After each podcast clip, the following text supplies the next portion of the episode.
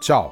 Insert Coin je bio na Reboot konferenciji u Dubrovniku. Ako vas zanimaju utisci sa ove B2B Game Dev konferencije, bacite pogled na playlistu Reboot 2022 na našem YouTube kanalu. Link se naravno nalazi u opisu. Uživajte! With me is Patrick Dessier, the original creator of Assassin's Creed. I celebrated my 25th year in the game industry. Yeah, I'm an old monkey.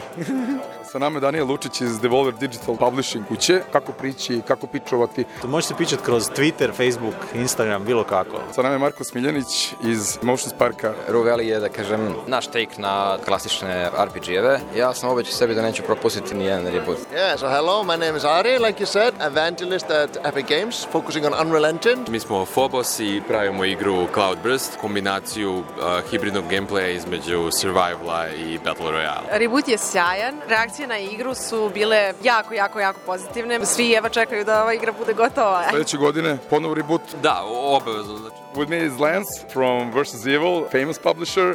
Really, it's a few key things, right? So, production schedule, budget, playable, or prototype, or vertical slice. You email that to you at versusevil.net, and one of us will look at it and get back to you pretty quickly.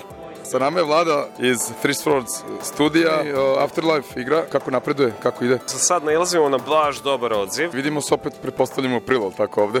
Apsolutno, apsolutno. Ivan iz uh, Frozen Pixela. A kako se igra zove? Joe Wonder and Enigmatic Adventures, uh, 3D platforming, puzzle igra, Ovde na rebootu o, reakcije ljudi, kakve su bile? jako, jako pozitivna. Imamo preko 100 pisanih reviewova. Siniš iz studija Pixel Cabaret. A, Uh, ima fantastičnu igru Org Dentist. Reboot uvijek jedno je prekrasno mjesto, prekrasno druženje za mingling i za istraživanje mogućnosti. Sa nama je Toni iz Under the Stairs studija sa fantastičnom igrom Eyes in the Dark. Igra je u principu crno-bijeli roguelite platformer. Došli smo ovdje to pokazati i družiti se i upoznati ekipu i sve. Pretpostavljam da se vidimo ponovo na rebootu sljedeće godine, april. Obavezno i to je super što ovaj reboot užasno brzo nazad.